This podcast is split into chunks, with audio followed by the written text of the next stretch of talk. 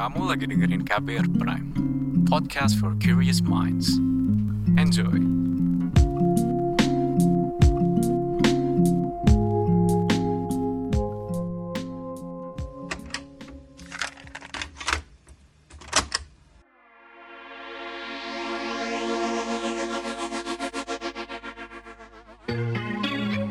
Ini kali saya ngobrol bareng seorang penulis, Putu Juli Sastrawan. Bali emang jadi latar obrolan kami berdua. Dari sebuah cerpen yang dimuat dalam satu antologi, saya berjumpa dengan Juli. Kita berdua ngobrolin perkara menjadi sekutu bagi teman-teman keberagaman identitas gender dan orientasi seksual, penulisan karya sastra, dan juga penerimaan masyarakat Bali terhadap teman-teman yang dianggap lian.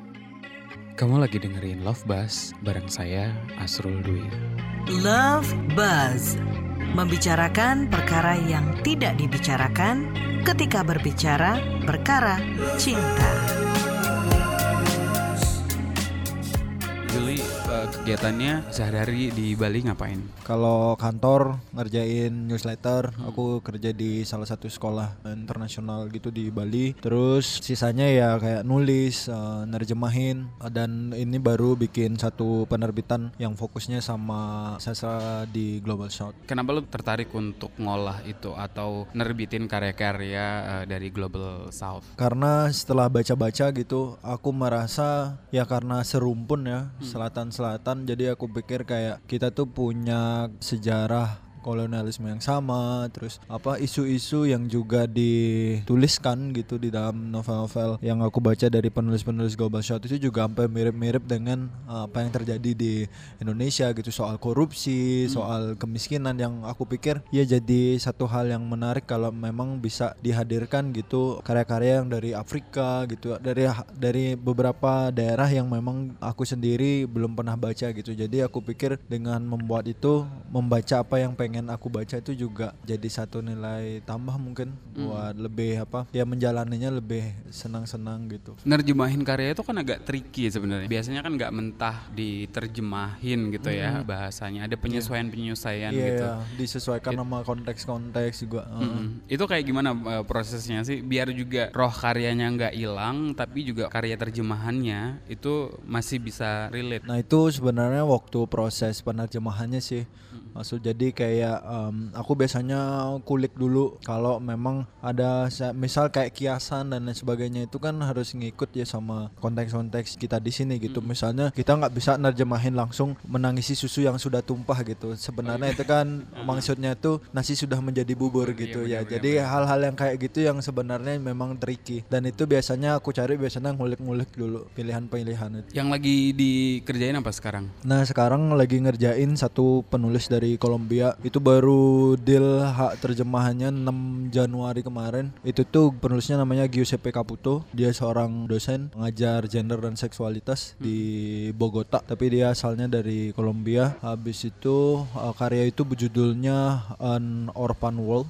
Menang English Pen terbitan 2019 kalau nggak salah. Jadi kayak masih segar terus versi Indonesianya semoga tahun ini sih. Itu temanya apa? Ngomongin apa karya itu? itu sebenarnya uh, hubungan antara bapak dan anak di mana sangat romantis. Jadi romantis itu dalam artian kayak mereka hidup di daerah miskin. Jadi kayak di luar gitu di luar uh, perkotaan daerah pinggiran gitulah ya. Jadi kayak di daerah mereka tuh sangat gelap. Nah jadi like avenue mereka padahal hidup di dekat like avenue yang kayak um, jalan cahaya gitu banyak ada lampu-lampu tapi di tempatnya mereka tinggal tuh kayak gelap gitu. Jadi bicara soal hubungan bapak dan anak yang mereka hidup bersama gitu. Uh, yang menarik di sini adalah kayak bagaimana mereka bertahan dengan kemiskinan itu. Misalnya mereka nggak punya banyak perabotan jadi mereka menggambar gitu. Bapaknya menggambar di temboknya uh, gambar sapi gambar itu untuk untuk apa mendekorasi rumahnya. Terus eh, mereka juga daerah pinggirannya tuh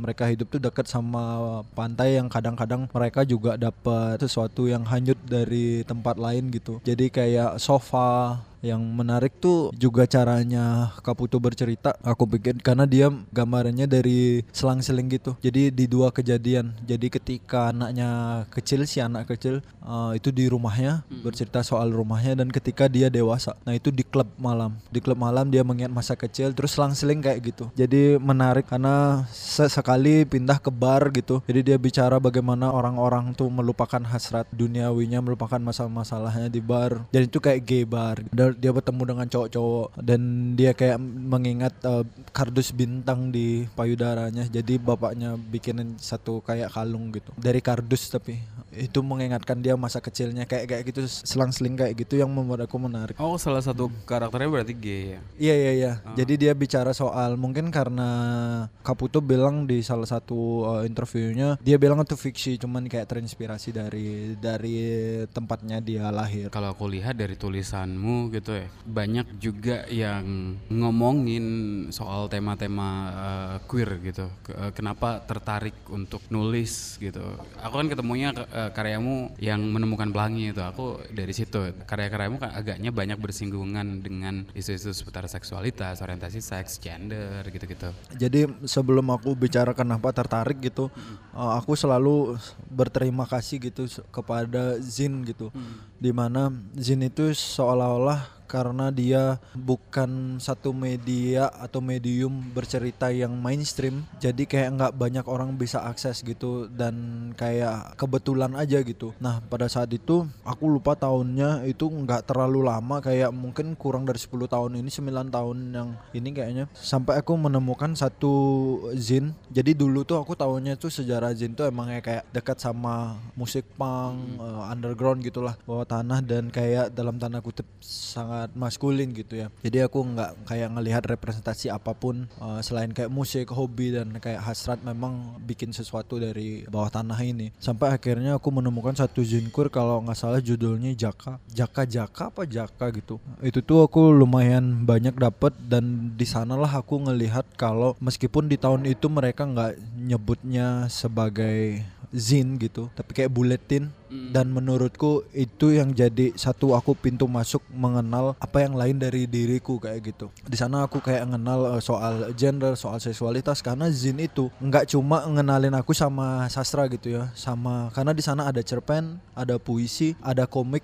tapi apa yang aku pikir jadi kekuatan zin queer itu adalah itu tuh arisannya mereka. Jadi di depan itu ada jadi kayak ada kupon arisan. Jadi mereka beli itu untuk kayak nge di fotokopi lagi di tempat lain dibawa ke tempat lain ya karena memang zin itu penyebarannya kan underground ya. Jadi biasanya uh, kalau di musik itu kayak di copy, di distro terus diperbanyak lagi di tempat lain. Nah, queer itu mereka tuh punya arisan di sana. Jadi siapa yang mau ikut arisan tuh ada di sana dan yang ngisi zin itu adalah yang memang arisan. Jadi di sana aku ngelihat kayak perasaan bersama-sama kayak kolektivitas dah menurutku dan itu kayak mereka menceritakan bebas tentang apa saja gitu. Bisa bikin cerpen yang bikin yang bisa gambar bisa ngegambar di sana. Terus yang mau tul- nulis bisa nulis di sana. Terus karena di sana juga nggak soal fiksi tapi jadi kayak misal info-info mengenai bagaimana gejala-gejala HIV yang dalam tanda kutip iya, aku tahun pikir itu 80-an uh, gitu ya. sumber ya sumber pengetahuan.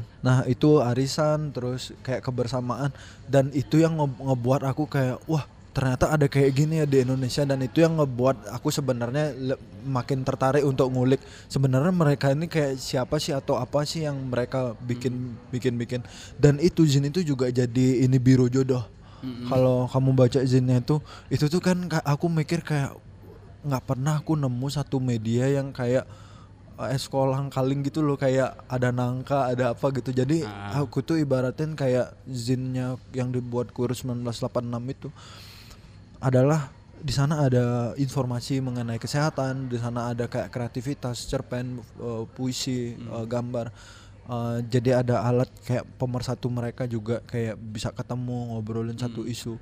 Terus kayak biro jodoh gitu karena orang luar tuh boleh ngasih surat "Eh, aku lagi mau cari eh, pasangan dari eh, let's say Jawa Tengah gitu. iya. Aku bule dari Belgia kayak gitu mereka ada oh di sana. internasional ya. Oh, oh, di internasional jadi kayak ada bahasa-bahasa internasional juga di sana pakai bahasa Inggris. Nah, jadi yang tertarik pengen aku coba deh kencan. Nah, itu kan kayak prototipenya mungkin Grinder sekarang ya. Oh iya Iya, bisa jadi banget kayak, iya. Wah, aku coba ngopi sama bule Belgia jadi kayak Hmm. bisa langsung balas di sana. Eh, kebersamaan itu jadi kayak perasaan yang ya bersama-sama senasib dan kayak ngumpul-ngumpul itu yang sebenarnya bikin aku lebih tertarik untuk ngulik soal queer. Mm-mm. Nah itu kenapa ketika ada tawaran untuk bikin satu cerita bersama soal queer itu yang sebenarnya ingin aku tekankan bahwa kalau kita ngomongin queer tuh nggak cuma ngomongin soal seksualitas kayak gitu ada kayak banyak hal kayak banyak jejaring entah itu politik uh, dan ekonomi kayak gitu yang menurutku itu punya punya andil juga untuk didiskusikan kayak gitu jadi nggak cuma soal ngewe gitu aja lah menurut nah itu yang sebenarnya uh, ingin aku tampilkan Ngewek juga bagian dari politik enggak sih? Iya, iya.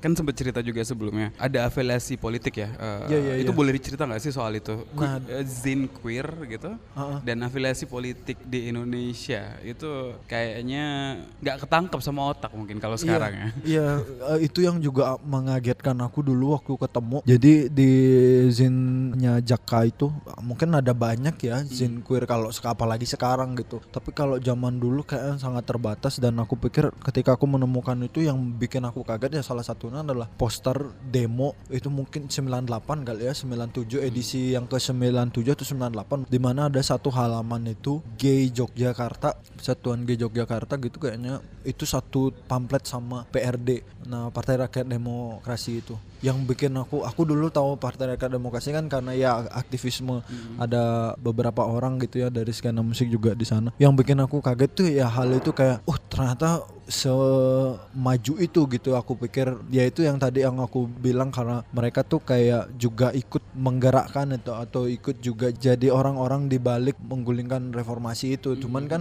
kayak aku sendiri sebelum melihat itu juga aku nggak tahu kayak punya ada peran-peran siapa di balik itu kayak gitu. Nah itu yang sebenarnya cukup mengagetkan aku sih afiliasi-afiliasi itu. Jadi aku pikir waktu itu ya sangat berani mereka untuk menunjukkan itu terus Itu karya yang ada di parade yang tak pernah usai mencari pelangi, mencari menemukan pelangi. pelangi, sorry. menemukan pelangi Ada beberapa bagian gitu yang isinya eh, yang tadi eh, Hmm. kamu sam- sampein gitu ya, eh, yang surat pembaca Hmm. gitu-gitu. Pilihan-pilihan kreatif semacam itu kenapa Juli ambil gitu Hmm. di dalam karya itu? itu tuh semacam cara aku gitu dalam tanda kutip mencontek zaman. Itu kenapa aku kayak ikutin pola-polanya. Jadi pola-pola kayak misal ada surat pembaca mereka mengkritik apa yang mereka buat gitu. Itu yang menurutku wah, jadi satu poin penting gitu. Media itu terus berbenah itu kan karena ada masukan-masukan. Nah semangat mencontek zaman itu yang sebenarnya aku ingin tampilkan sehingga ya mungkin aku udah mikir sebelumnya kayak aku ingin memperlihatkan kayak kontribusi teman-teman queer di ranah politis gitu pergerakan gitu. Aku pikir ini juga penting untuk didiskusikan bahwa dan ini juga sebagai salah satu caraku untuk memperlihatkan bahwa mereka ini udah juga ada sejak zaman dulu gitu. Jadi bukan kemarin sore gitu ada kayak pendapat-pendapat misal oh ini queer ini kan ideologi-ideologi barat. Jadi kayak kayak gitu bahwa mereka tuh emang udah terbentuk dari tahun-tahun sebelum itu. Dan seperti apa kok cara komunikasinya itu juga aku ikutin. Jadi kayak meniru oh ternyata di bagian itu ada resep itu ada orang yang berbagi resep makanan yang itu yang sebenarnya juga aku tiru. Meskipun dari segi cerita dari segi plot sebenarnya dia sederhana banget. Jadi kayak bapaknya sebenarnya dulu adalah di redaksi itu. Terus terus anaknya melakukan penelitian skripsi dan mencari si bapak ini karena mereka terpisah kan. Sebenarnya ceritanya sesimpel itu. Cuman cara aku bercerita ya aku pakai dia sebenarnya jadi satu bagian majalah di buku itu Kadang kan kalau sebagai ally gitu ya, meskipun kita punya sensitivitas gitu ketika ketika menulis gitu, tapi kadang ketika orang yang ngebaca karya ini gitu, pasti ngerasanya ada jarak. Kalau Juli kira-kira gimana sih kemudian menempatkan diri gitu ya sebagai penulis yang juga ketika orang baca jadi nggak ada jaraknya gitu ya. Uh, aku biasanya bikin apa yang aku pengen dulu. Jadi ini juga aku aplikasikan ke beberapa penulisan. Misal ketika membicarakan apa gitu. Aku juga sempat bikin satu cerita tentang teman-teman transgender di Denpasar.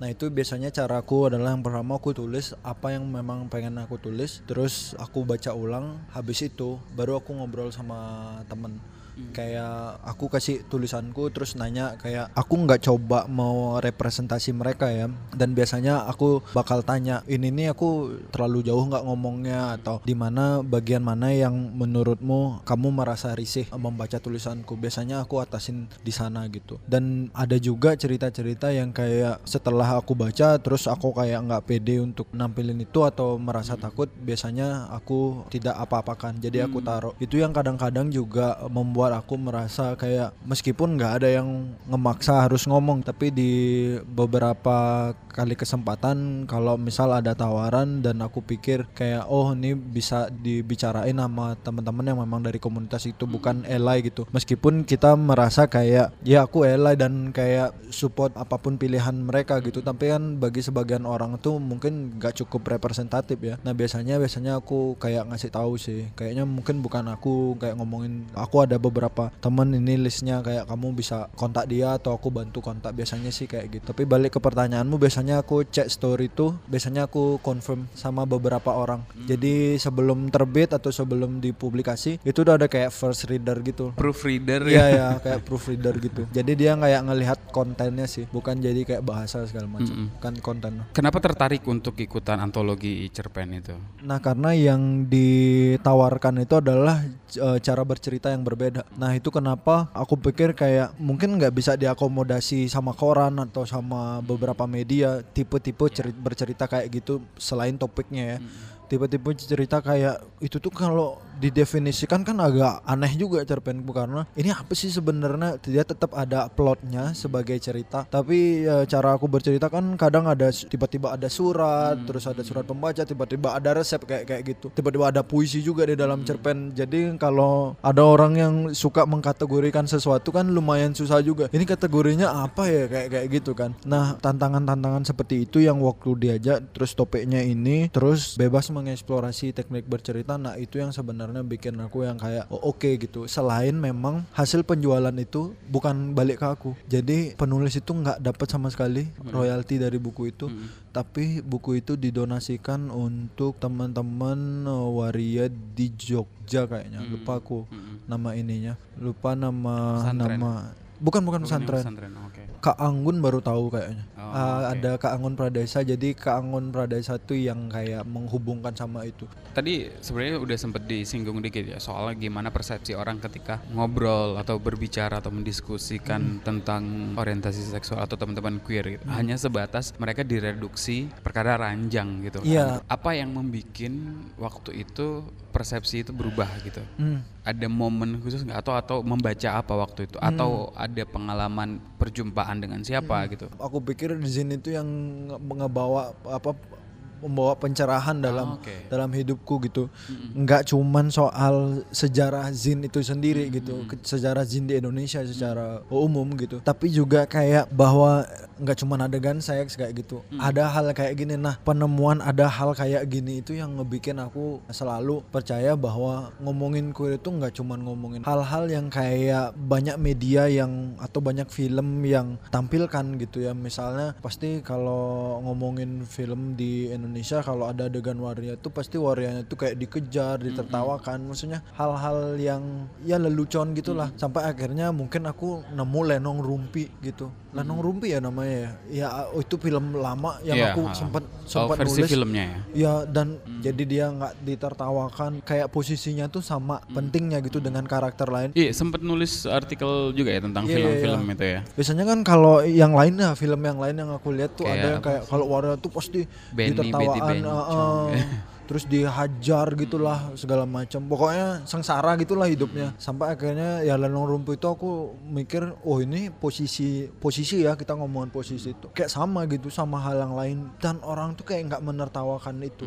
Jadi dia kayak dilihat sebagai hal yang biasa gitu. Ya kalau di imajinasiku sendiri ya harusnya sih kayak gitu di kenyataannya kayak ya biasa aja gitu orang itu hidupnya. Dia juga gitu sih menurut aku ya. Sebagai ally nggak takut dengan persepsi orang gitu. ya takut sih kan dianggap sok tahu gitu loh Nggak mungkin oh bagian nih gitu. apa Bagian dari komunitas nih jangan-jangan aku ser- sering bilang itu ya nggak apa-apa kalau misal dianggap pernah juga dibercandain kayak misal pasti kamu kayak gitu ya terus kalau aku kayak gitu terus kenapa, Kenapa? kayak gitu nah kayak kayak gitu kan aku biasa aja ya ya maksudnya ya udahlah dan aku pikir juga ya kalau mau menjauh ya menjauh aja maksudnya itu kan pilihan Iya, ya. iya. ya aku memposisikan diri bahwa siapa tahu gitu temen-temen ya aku punya beberapa temen gitu yang queer dan aku pikir kayak ya kalau enggak kamu siapa siapa lagi yang kayak apa mendengar kayak hal-hal kayak gitu sih yang menurutku ya itu kayak pilihan sih kan ada pilihan menjadi ally atau tidak menjadi ally nah aku mengambil pilihan menjadi, Menjadi ally. ally ya.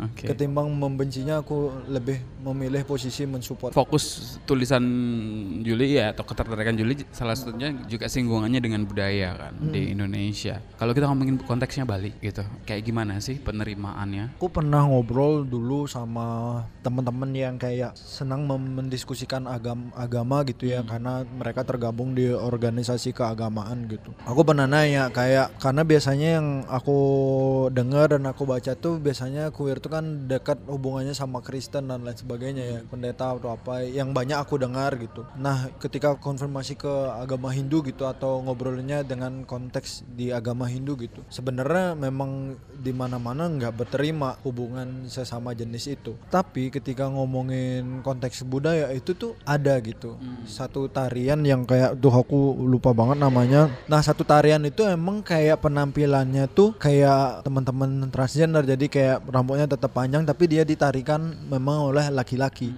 Kayak gitu. Dan di eh, arje-arje pun itu tuh kayak sejenis ya ta- tarian juga. Di mana ada yang laki-laki berpenampilan seperti perempuan jadi ya, atau menjadi perempuan gitulah dan kalau ngomongin di konteks itu ya berterima berterima aja sih menurutku. Dan yang tarian itu juga kan nggak baru gitu. Bukan ada baru ada isu atau baru pasca reformasi ada soal pembicaraan mengenai queer gender gitu. Baru ada tarian itu nggak itu udah bahkan dari lama gitu. Sebelum it- diskusi diskusi itu. ada gitu. Jadi menurutku kalau tarik ke persepsi eh, orang Bali kayaknya sah-sah aja sih itu. Karena memang mungkin itu konteksnya budaya ya. Jadi kayak memang ada upacaranya ada tariannya ada gamelannya. Jadi nggak cuman dari penampilan gitu tapi juga ada dari gerakan gerakan tarinya terus nyanyian nyanyian yang dibawakan. Dan itu kan harus spesifik ya. Terus ada gamelan-gamelannya kayak gitu. Tapi kalau di luar konteks itu budaya sosial, sosial, gitu, gitu, ha, kayak Oh, gimana? Kalau sosial itu sebenarnya kalau aku sendiri ya sebagai orang Bali itu merasa kayak kan ada tuh dulu sempat obrolan-obrolan di Twitter tinggal aja di Bali itu pasti nggak akan ada yang ngurus gitu. Iya, ha. Dan aku merasa terkadang itu tuh bener. Jadi kayak selama kamu tuh kayak nggak ngerepotin aku, misal kos gitu ya, misal kos terserah kamu mau uh, kumpul kebul lah, uh, uh, Kumpul kucing. ya kumpul kucing Kumpul lah, ayam, apalah cowok-cowok lah cewek-cewek lah. Ya itu kayak terserah lah. Ah, kayak itu itu yang pilihan yang kamu ambil. Setauku gitu sih hal-hal kayak gitu sih yang sebenarnya kayak mendukung mendukung firasatku gitu ya bahwa ya di Bali tuh kayak ya kamu bisa jadi apa aja kayak gitu sih menurutku. Hmm. selama gitu kamu nggak mengganggu ketentraman orang lain atau mengganggu ketentraman Hmm. inimu dan juga mungkin karena orang Bali tuh apa ada konsep desa Kalapatra ya namanya. Desa Kalapatra itu adalah kayak tempat waktu dan situasi yang berbeda. Di tempat berbeda tuh beda-beda. Maksudku aku tinggal di desa A gitu kamu tinggal di desa B. Nah desa A sama desa B itu peraturannya bisa beda. Nggak hanya peraturan jadi segi upacara dan lain sebagainya itu bisa beda. Tapi kalau dari sosial bagaimana? Mungkin orang Bali itu dengan tidak gamblang bilang kalau mendukung queer tapi secara tidak langsung dengan tidak ada pembubaran maksudku ada ruang gitu menurutku itu sih salah satu bentuk dukungan juga kali ya atau mungkin orang tuh sudah terlalu awam atau nggak peduli kan awam atau nggak peduli kan satu hal yang dekat gitu ah. Beda tipis Ah, gitu. oh, kayak gitu. ya udahlah urus ini mau aja sendiri kayak kayak gitu mungkin.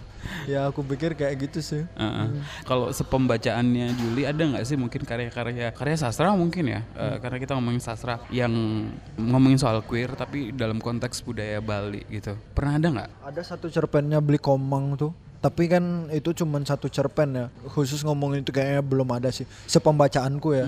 Membaca beberapa karya orang Bali karena kebanyakan karya di Bali tuh tema-temanya itu kayak sama budaya sama tarian terus isu 65 eh, isu-isu besar gitulah. Misalnya pariwisata. Dan kayak nggak nyinggung soal gender sama seksualitas gitu sih. Eh, itu juga hal-hal yang ngebuat aku kayak oh ini penting nih dituliskan sehingga ada gitu. Hal-hal yang semacam ini juga di dalam konteks sastra apalagi sama Bali kayak gitu. Eh, aku dulu sempat ngulik beberapa kali kan karena waktu memutuskan untuk ngerjain tesis ngambil apa gitu. Jadi aku nyari novel-novel, cerpen-cerpen apa yang banyak ditulis eh, orang Bali gitu. Entah penulis terkenal atau penulis obskur ya kayak gitu. Beberapa tema yang bisa dipetakan tuh kayak banyak ngomongin pariwisata, maksudnya perubahan orang Bali seperti apa sekarang menjual tanah segala macam. Terus ya itu isu 65 di beberapa lokasi di Bali itu di mana jadi tempat pembantaian kayak kayak gitu. Terus perempuan yang melawan eh, apa adatnya kayak kayak gitu karena direpresi adat kayak gitu. Tapi dari konteks queer, tema-tema kayak gitu belum banyak diolah sih. Terus tema-tema science fiction tuh juga di Bali kur- belum. Seru juga tuh kalau misal eh, aliennya queer mungkin terus main ke Bali berwisata keliling kayak Itu mungkin ide buat eh, buat Juli untuk nulis gitu ya cerpen atau novel yang yang baru gitu, gitu kan. Selain tadi proses penerjemahan gitu, kalau untuk karya atau tulisan atau novel atau cerpen pribadi sekarang lagi berproses atau nggak ada waktu?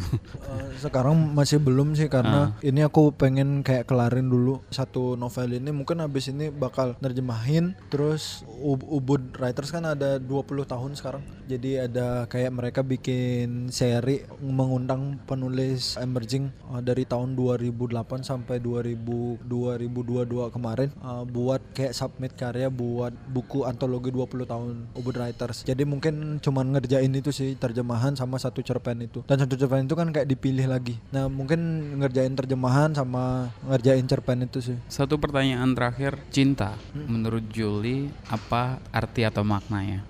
wah ini pertanyaan yang paling terakhir yang paling susah sih sebenarnya Eh, apa ya mungkin karena aku sedikit platonik kali ya.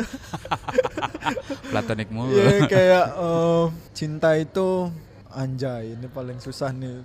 Em, terlalu biasa nggak sih kalau aku jawab ya cinta itu em, kamu hmm, Duh susah banget nih. Penulis biasanya kan memaknai cinta itu gimana gitu Iya. ya. Kalau aku sih mikirnya ya cinta itu selalu ada ruang kebebasan buat kita masing-masing kayak gitu sih untuk diekspresikan.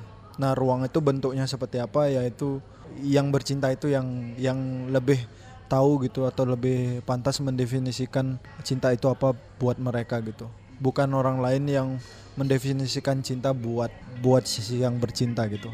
Absurd gak sih jawabannya? Nih. Semua orang berhak mendefinisikan cintanya masing-masing. Seperti yang tadi Juli bilang, cinta itu perkara dua orang yang mengalaminya dan kita rasa-rasanya tidak berhak untuk mendefinisikan cinta mereka. Love Buzz membicarakan perkara yang tidak dibicarakan ketika berbicara perkara cinta.